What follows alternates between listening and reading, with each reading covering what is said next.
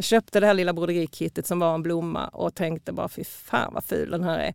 Jag kan omöjligtvis eh, sätta upp den på väggen själv och jag kan inte heller riktigt ge bort den till någon det, det, skulle jag i och för sig om jag tänker efter men då får det vara någon på min shitlist. Så långt tänkte jag inte då.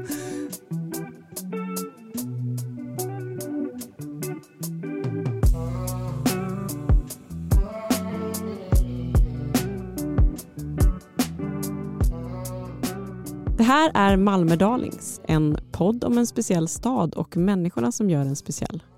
Med mig, Mia Molsson Jeffrey. Med mig, Jonas Gillberg. Och med mig, Sally Wahlstedt. Ja, Jonas, idag ska du prata med en person som faktiskt brukar vara med oss här i rummet. För du har ju alltid keps på dig. Mm. En keps som Gisela Ståhle från Instagramkontot Brodera ut texten har gjort. Så vad står det på min keps idag? Det nej. står nej. jag, eh, jag har inte kopplat detta, men jag träffade ju Gisela Ståhle när hon precis hade startat det här kontot och gjorde en intervju med henne då som hade någon rubrik i stil med Malmöbons tragikomiska broderier gör succé på Instagram. Och då kom jag ihåg att hon hade två sådana här kepsar hängande i hallen eh, som jag tror till och med fastnade på bilder. Det var en hej-keps och en nej-keps. Mm. Och hon berättade att ja, men, jag går upp på morgonen och så kikar jag på dem och så känner jag, vad känner jag idag? Är jag en hej-keps-dag eller är det här en nej-keps-dag? Idag är det 75 procent säger hon. Det är nej-keps-dagar. och, och grejen är att jag har faktiskt reagerat på det innan här i studion. Att varför har du en nej-keps Jonas? För du känns ju inte nej, du känns ju hej. och det roliga är att det, så, så, lite, ja, så här är det ju. För att jag köpte ju först en hejkeps av henne och hade på mig hela sommaren 2022 så att de blev så solblekt så att till slut tänkte jag jag måste köpa en ny. Men jag fick inte en hejkeps. Jag fick en nej-keps av henne istället när jag beställde hem den. Du fick fel alltså? Jag fick fel. Och så nu har jag gått runt med nej-kepsen och alla människor kommenterar detta. Att jag har på mig, men du brukar ju inte ha nej-kepsen på dig. Typ, sådär. Och så säger jag att det är lite terapi för mig. Att liksom lära mig att säga nej och sådär. Men när vi träffades, så, alltså jag och Gisela, så hade vi jag inte på mig kepsen utan en annan keps som jag har av där det står så småningom. Alltid tacksamt att visa upp när man ska liksom få frågor från chefer och folk man intervjuar om när saker ska publiceras och sånt. Men det roliga var att Gisela hade på sig exakt samma keps, budskap. Annan sorts form på kepsen men också så småningom. Så vi möttes och bondade där över så småningom kepsarna. Gisela Ståhle är alltså då en Malmöbo som för sex år sedan eh, startade detta Instagramkonto för att egentligen som ett sätt att hantera sin utmattning. Eh, hon broderar olika textbudskap. Först var det som enkla broderier men sen har det blivit även som då kepsar och tygväskor och t-shirts och annat. Det här kontot har ju nu då vuxit till hela 160 000 följare på Instagram och det är ju typ bara Malmö FF och Anonymous som är större i den här stan. Eh, Gislas make, Lasse, spelar ju i bandet The Cardigans men eh, de har nästan bara en tiondel så många följare på Insta som Brodera ut texten har. Ja, då kanske de tävlar hemma då om följare. De känns inte som människorna som tävlar av sånt där kan jag säga. jag vet när jag träffade henne då 2017 så eh, handlade det om succén på Instagram och då var det 2000 följare. Mm. Så det, det har ju hänt ganska mycket sedan dess.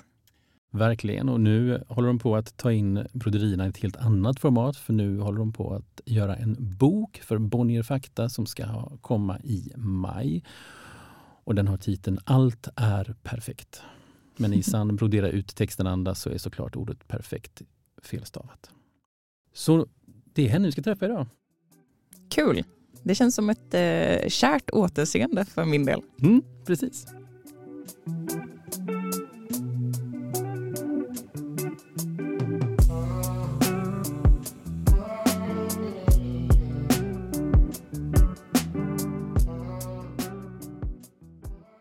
Nästa vecka har varit svinjobbig. Jag är så jävla bra nog. Har ni den här offerkoftan i större storlek? Styrkekramar undanbedes. Där har ni fyra exempel på eh, broderibudskap från kontot Brodera ut texten. Och mitt emot mig sitter skaparen av detta, Gisela Ståhle. Välkommen till Malmö Darlings. Tack. Jonas. Mm. Du, den 30 januari 2017 så startar ju den här resan för dig. Men när jag söker i vårt arkiv på ditt namn så hittar jag ett eh, klipp från 1997 när du har en helt annan roll. Vem var Gisla innan 97 du drog igång detta? eh, var jag ju i min prime, får jag säga. Eh, då jobbade jag... Nej, det gjorde jag inte. Jag jobbade inte. Jag studerade till lärare i svenska som andraspråk och eh, var väldigt engagerad i en musikförening som heter, hette Klubb Gaffa. Och vi startade på den tiden när Malmös musikliv i alla fall såg ut på ett helt annat sätt än vad det gör idag. Då hade KB på Erikslust lagt ner och inte öppnat på Bergsgatan längre så det fanns liksom ingenting. Mm. Alltså det var helt dött på musikscenen. Och då var vi ett gäng vänner som bara startade en, en eh, liten musikförening som körde mest så här punkrockkonserter på Pizzeria Golden som inte heller finns längre på Simrishamnsgatan. Och så ordnade vi lite så här, sommarkonsert i ett cirkustält utanför biblioteket varje år. Och sen så blev du lärare Mm. Och eh, det, det är någonting som händer under de här åren sen som leder fram till brodera ut texten. Mm. Hur skulle du beskriva den eh, resan för dig? Ja, men det som hände var ju att läraryrket var ju jäkligt tufft för mig. Så jag gick ju i väggen ett antal gånger där första gången år 2000. Sen några gånger till genom åren och det har liksom inte bara varit yrkesrelaterat utan ehm, för mig blir det svårt det är väldigt tydligt när jag tittar på det bakåt. För mig blir det väldigt svårt när det händer någonting extra. Om du förstår vad jag menar. Mm. 2003 födde jag mitt första barn och det var en väldigt omskakande upplevelse för mig. Så då, då blev det ett break och 2006 så gick min pappa bort. Och 2013 så var det en av mina bästa vänner som blev sjuk i leukemi och som sedan dog också. Så att när det kommer till en, en eh, oberäknelig faktor, då är det som att jag tappar. Och nu när jag är äldre så kan jag ju förstå att ja, men då har jag ju kört för, för högt tempo generellt om du förstår vad jag menar. Att, Mm. att, att, att någonting om det nu är procent man arbetar eller vilken insats man lägger in i jobbet, den behöver sänkas för att vara beredd på eh, att det kommer oväntade grejer för att det är så livet ser ut. Det kommer alltid att komma oväntade grejer, positivt och negativt, som behöver ett ry- utrymme av energi som, eh, som jag inte hade gjort plats för Mm. innan. Så 2017 vandrade du in i en butik som... eh, Vad var det för butik? Ja. På Triangeln, jag vet Ja. inte om man får säga Jo då, kör namn. på. Ja, slöjdetaljer på Triangeln. Eh, då bodde vi tillfälligt, vi höll på att renovera eh, vår lägenhet så vi bodde tillfälligt bara några kvarter därifrån. Och eh, jag kände verkligen så otroligt starkt att, eh, att jag behövde någonting att fokusera på. Att, mina, att jag hela tiden snurrade mina tankar kring eh, hur jag skulle lösa min situation. 2017 när jag började brodera, då var jag verkligen på på botten kan jag ju se nu. Jag mådde riktigt dåligt. Jag tyckte också, då hade jag ju varit sjukskriven sedan 2013 men jobbat i perioder för att jag var delaktig i ett projekt där jag kunde jobba för det var inte läraruppgifterna. Mm. Men sen tog projektet slut och då var jag tillbaka till lärare, in i väggen, nya projektpengar och så höll det på fram och tillbaka. Mm, Och jag har nog, det har nog alla som har varit delaktiga i min rehabilitering har nog hela tiden sett hur framåtlutad jag har varit, vilket kanske inte heller har varit bara positivt. Att jag har varit så här letat efter lösningar. Hur ska jag, Mm hur ska jag kunna få det att funka? Och då tyckte jag på något sätt att jag hade provat allt.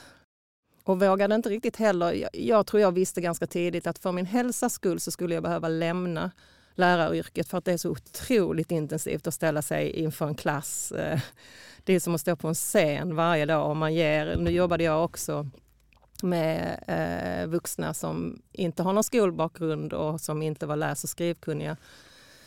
Um, vilket jag tyckte var det roligaste men också det svåraste på så sätt att Eh, det är ju inte en grupp som man eh, sätter en massa uppgifter i händerna på så är de självgående utan man är väldigt aktiv hela tiden.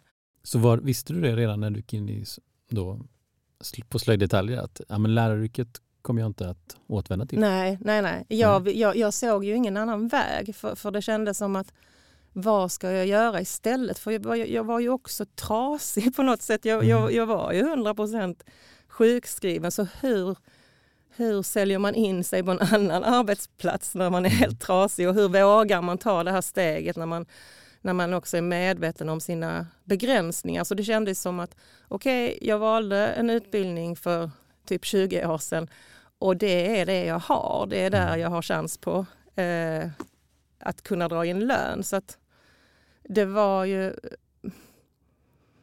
Det var ju inte förrän jag eh, lyckades förhandla mig till ett avgångsvederlag och fick ett starta eget-bidrag. Den, den kombon, att, att jag fick sex månaders lön och sex månader eh, utrymme för att starta eget, som jag kände att ah, men nu, nu kan jag göra det i mitt tempo, för att mitt tempo är ju också så otroligt långsamt. Att och när i tid hände det då? Det, då är vi 2018 slutet, okay. tror jag. Men eh, tillbaka till slöjddetaljer. um, nej, jag visste bara att jag ville ha något att bli uppslukad av. Så det var verkligen så här bara med tanke något som ska engagera mig som jag gick in mm. i den butiken och gick verkligen runt och tittade på allt möjligt. Eh, men gud, det finns ju allt så här. Eh, du kan ju måla saker, det är flörtkulor och eh, näverslöjd, tälja. Så det kunde ha blivit tälja ut texten. Eller hur? ja. hade nog tagit för lång tid i och för sig. Det visade ju sig att det var någonting här som var exakt rätt för mig.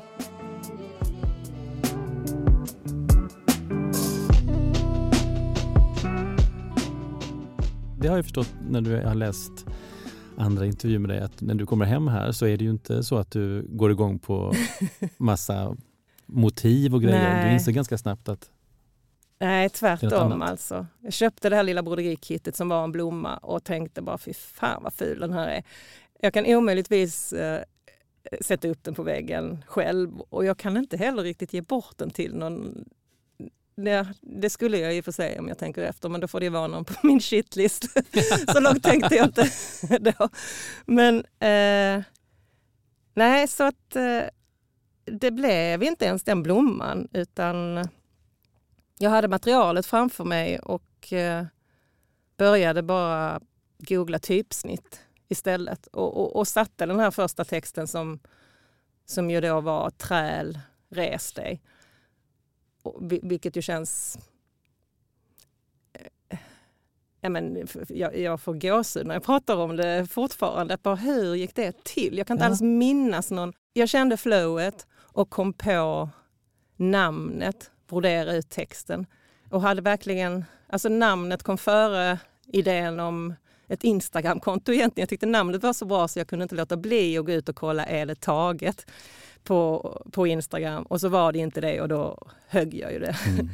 och började lägga ut grejer men men du, det är, det är inte Träll res dig du lägger ut allra först? Nej. Det är någonting där det står lönt, vänner, röv. Som jag, jag, jag, jag brukar skratta åt massa, det här fattar jag inte ens. Nej, det går vad, vad är det för något? Fatta. Och det var så roligt för att jag visade, jag, jag fotade ju de här och och, och, och, de här två första och, och, skickade bara till eh, närmsta omgivningen. Och så fick jag svar av eh, en kompis, Jenny, som bara, jag älskar det här, det här är det bästa jag har sett. Ja, men på, på något sätt så är det, är det lönt, är frågan. Liksom. Och sen är det tonårssvar, att vet inte, vänner. Ah, okay. Och sen röv. Jag kan inte... ja. Jag fattar. Jag gick tillbaka och kollade, vet du hur många likes det finns på den bilden idag. Nej! Tio stycken. och för, det, för de som kanske inte då kollar in det på Instagram så kan man säga att idag ligger du kanske på vad kan det vara, 15 000 säkert på, per åt, det hållet har det ja. varit. Alltså jag har ju ingen aning längre för jag har ju tagit bort den funktionen för jag mm. märkte att jag inte eh, mår bra av att mäta mig i Mm. likes. Så att jag, jag ser inte det längre. Jag har ju tagit bort det sedan kanske ett år tillbaka. Men innan dess så kan det ju Precis. stämma att det var där. Men det, du har 161 000 följare kan jag meddela dig om du Mm. Ja, men inte det har jag kollar koll längre. men, du, men, du, men du följer exakt noll personer. Så ja. Varför? Alltså jag... eh, Det är inte så att jag aldrig går in och tittar på andras konton. Jag kan fastna på olika sätt också. Men eh, det skulle ta för mycket energi för mig. Dels att... eh, för- mig är det som små eh, honungsfällor, hela jävla Instagram. Att, att eh, finns det där, då, då vill jag in i det, då vill jag se det. Och, och sen lite också, jag är ju otroligt så här socialt stressad och tankar på vem ska jag följa och vem ska jag inte följa och är det artigt och är det oartigt? Så att eh, det har bara blivit eh, noll. Det är mitt sätt att kunna vara där ute. Mm. Att inte hålla på med den dimensionen också. Det är ju för att hantera det jag vet händer med mig. Att jag, jag är ju en ängslig person och jag bryr mig väldigt mycket om vad andra tycker. Men min ambition och min riktning är ju att inte göra det så mycket. Så det. det. Det, är det jag... Det är dit jag får luta mig oavsett hur det känns mot den jag vill vara. Och du sa när du kom in här i studion så erkände du att när du tittade tillbaka Ja, på gamla grejer du gjorde Ja. innan 2019 ja. så hade du en, käns- en ja, hur skulle du beskriva den känslan idag? Ja, men eh, det finns ju så mycket av det som ligger tidigt som jag tycker är jättedåligt nu. Eh, Jag tycker inte det är roligt, jag tycker det är lite skämmigt. Och, ehm, vissa grejer har jag till och med tagit bort för att jag tycker att det känns... eh, inte för att det inte är roligt. Ro, att det ska vara roligt det är ju liksom det som ligger mig varmast om hjärtat. Det är min, alltid min första go-to-drug. men Eh, ja, men det kanske känns som att det skjuter snett på ett, käns- ett sätt som inte känns bekvämt. Då kan jag ta bort det. Men, men ja, eh, en del av min... Eh, det jag kämpar med det är ju att eh, saker och ting inte ska vara så jävla perfekt. Att det måste vara okej. Det är ju så jag uttrycker mig också. Du vet, det är ju lite sjavigt och Mm. det är fransigt. Och, om jag broderar fel eller om någonting blir snett så, så låter jag det vara. Mm. Och det är skitjobbigt. Alltså jag har en superperfektionist superperfektionist i mig och vill att saker ska se ut som jag har tänkt det. Men det är en medveten eh, terapi för mig. Att stå ut, låt det vara, det är okej. Och, och på samma sätt tänker jag kring de alstren som ligger tidigt. att eh, Bjud på detta både för dig själv och, och Mm. för andra. Att, eh, ibland är det högt, ibland är det lågt. Eh, Jag, jag möter den väldigt mycket när man pratar om utställningar och att man ska välja ut, att man ska renodla sitt konstnärskap. Jag ser ju inte ens mig själv som konstnär. Så Jag läste någon gång att du såg dig som broderikomiker. Ja, jag gillar det. Broderikomiker eller så här folkkonstnär kanske. Aha. För folkkonst... Jag jag var med i någon, en kille som heter Rickard Johansson, en konstnär, som hade en utställning med folkkonst. Och, och folkkonst som jag har förstått det definitionsmässigt är ju just eh, folk som inte har en konstnärlig utbildning utan som sitter på sin kammare och har gjort genom tiderna och skapar saker. Och det tänker jag, där passar jag väl in Mm. i alla fall. Hej, Ulf Kristersson här. På många sätt är det en mörk tid vi lever i. Men nu tar vi ett stort steg för att göra Sverige till en tryggare och säkrare plats. Sverige är nu medlem i Nato. En för alla, alla för en. Vi är specialister på det vi gör, precis som du. Därför försäkrar vi på Swedea bara småföretag, som ditt. För oss är små företag alltid större än stora och vår företagsförsäkring anpassar sig helt efter firmans förutsättningar. Gå in på swedea.se företag och jämför själv.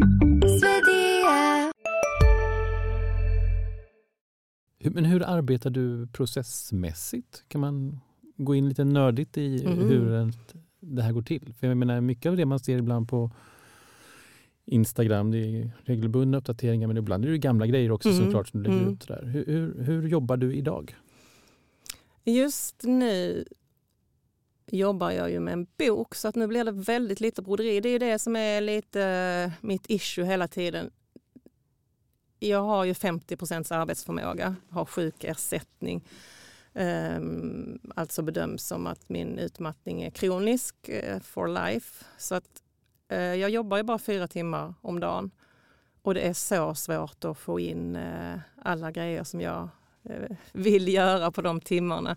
Så när jag då som nu skrev ett kontrakt i slutet på sommaren och boken ska ges ut i maj ja men då, då, då blir det inte så jättemycket annat eh, som jag hinner med. Mm. Och, och, och, det där är lite ett skav i mig för att eh, jag behöver ju broderiet. Alltså, jag mår ju på riktigt bra av att eh, brodera. Jag mår bra av att... Eh, ja, men som nu har jag varit i några riktigt eh, tuffa situationer de senaste veckorna som jag inte har mått bra av. Och nu får jag inte fatt på den känslan, för det är för nära. Men jag vet ju att om några veckor så kommer jag till att hitta text som nailar det jag har varit igenom precis nu. Och när jag hittar den texten då blir det inte som ett mirakel att uh, allt dåligt försvinner. Men det lättar lite, jag får luft och framförallt så blir det ofta ett humoristiskt perspektiv. Och, och det, är, det, det är ju det jag mår så himla bra av, när man lyckas zooma ut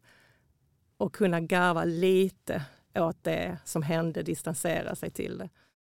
Nu kände jag att jag har tappat tråden helt. Var var vi? Ja, men jag tänker om jag ska be dig, innan du började göra bok då, ja. och hur en liksom, arbetsvardag såg ut för ja. dig. För hur, mycket, hur många broderier på en, jag vet inte vad vi ska säga, en vecka eller en mm. månad? Eller vad... Mm.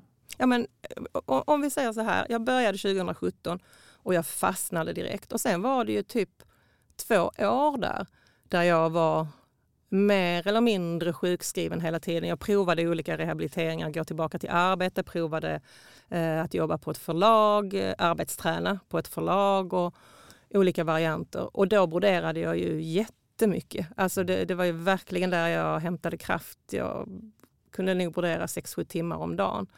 Och sen kom jag ju i ett läge där jag efter stort motstånd eh, bestämde mig för att starta eget. Och, och sen dess är ju kartan ändrad, för nu, gör jag ju andra saker. Då startade jag en webbshop. Det blev en supersuccé. Eh, efter ett år la jag ner den för jag kände att jag gör inget annat. Om jag, om jag bara hade velat driva webbshop och bara tjäna pengar så skulle jag fortsätta. Men men det jag vill det är ju att, att fortsätta skapa text. Mm. Inte i broderiform nödvändigtvis. Det kan vara, det kanske är dags att gå på täljningen, vad vet jag. Mm. Men det är texten som är central. Så för ganska exakt ett år sedan drog jag i bromsen. Då hade jag julhandel, sen stängde jag och bara nu måste jag landa och känna in vad vill jag? Och vad som hamnade på min lista över vad jag vill då det är ju eh, tillbaka till eh, den kreativa processen med broderiet. Eh, göra en bok, göra en vandringsutställning, så att, en mm. smart utställning så att den kan resa runt på olika sätt. Och då blev det bok. Men du, hur många, många broderier har du hem, klar, färdiga hemma? Alltså jag vet inte. Det är över tusen mm. i alla fall. Jag har en fantastisk mamma som hjälper och stöttar mig jättemycket i min verksamhet. Det är så roligt eh, att umgås på det sättet.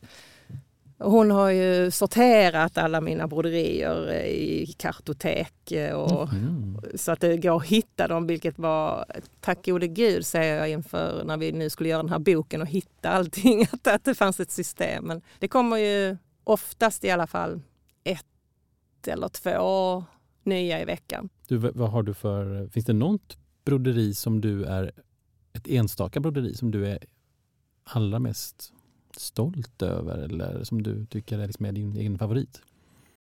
Ja, men det finns ganska många faktiskt.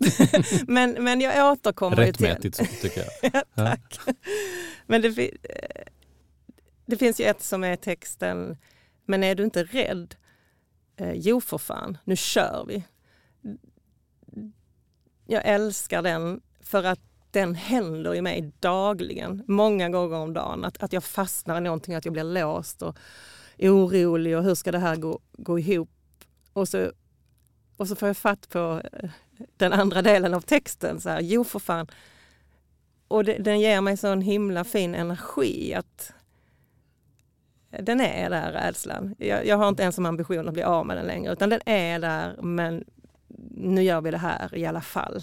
Den, den tycker jag jättemycket om. Och sen tycker jag om den här lilla dikten Borde och måste är två as som inte är bjudna på mitt kalas.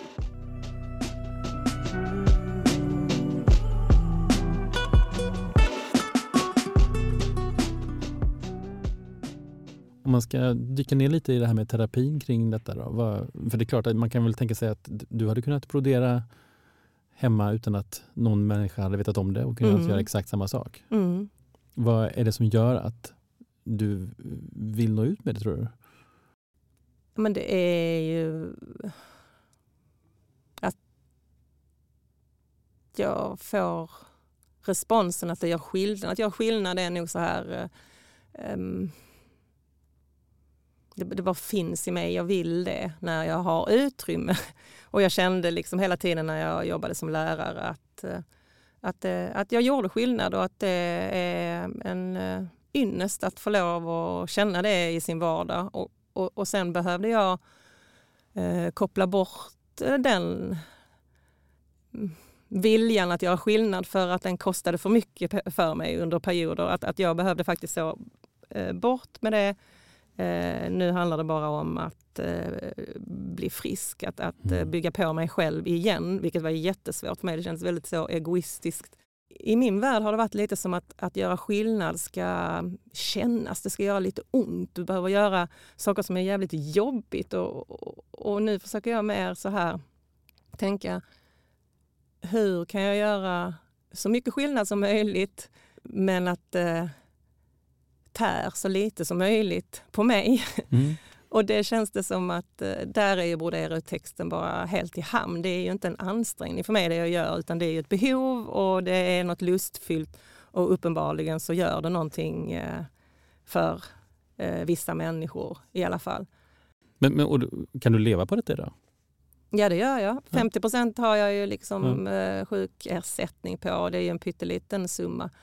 Men ja det gör jag. Det är en Ja. vinstdrivande Ja, verksamhet det är också. en vinstdrivande Vilken- verksamhet. Och, och jag gör Mm. ju inte ens en tredjedel av vad jag skulle kunna, vad det finns efterfrågan på, så Mm. att säga. För att jag inte riktigt hinner med. Då skulle jag behöva någon som hjälpte mig. Hej, Synoptik här. Hos oss får du hjälp med att ta hand om din ögonhälsa. Med vår synundersökning kan vi upptäcka både synförändringar och tecken på vanliga ögonsjukdomar. Boka tid på synoptik.se. Hej, Susanne Axel här. När du gör som jag och listar dig på en av Krys vårdcentraler får du en fast läkarkontakt som kan din sjukdomshistoria. Du får träffa erfarna specialister, tillgång till lättakuten och så kan du chatta med vårdpersonalen. Så gör ditt viktigaste val idag, lista dig hos Kry. Ibland tänker jag att man, kan, att man lär känna dig via dina broderier. Men jag undrar om det är, är det så?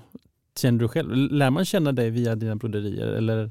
Ja, det tror jag lite. Men jag är ganska noga med ändå att påpeka att allt som kommer på den där duken är inte jag. Det Mm. är inte min sanning, det är inte vad jag tycker utan det kan ju också bara vara sjuka grejer. För den personen som jag, jag då tror mig ha lärt känna via kontot kan jag tänka mig skulle kunna hata den här frågan som kommer nu. Ja! Vad finns det för lärdomar att dra av det du har varit igenom? Hatar du den Eh. frågan? Nej, Nej. inte alls. Nej.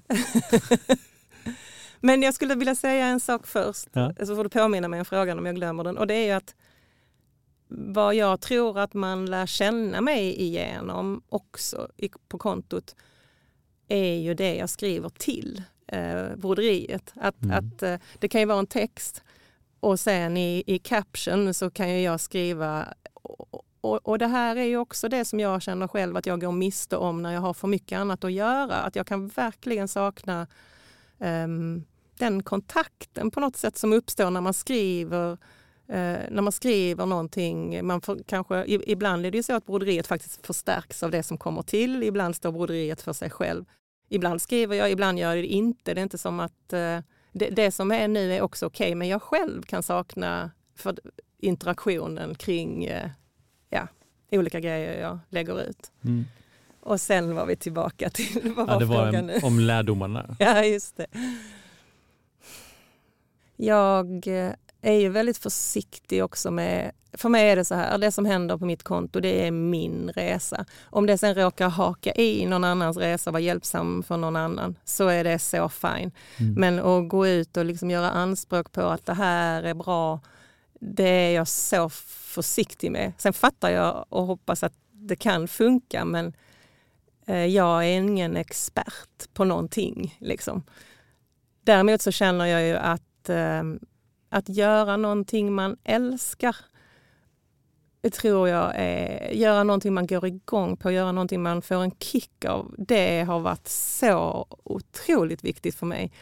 Och det måste inte vara ett jobb, det måste inte vara en försörjning, det måste inte vara något som du fläker ut på Instagram som jag har gjort. Jag tror det är så viktigt att bara ha något som Eh, en, en liten, liten plats och en liten, liten aktivitet. Om det är eh, matlagning eller om det bara är att skriva i sanden eller whatever. Men som är ditt. Det, det tror jag är en fin ingrediens att ha i livet. Gisela, stort, stort tack för att jag fick prata med dig här i Malmö Darlings. Tack själv, verkligen.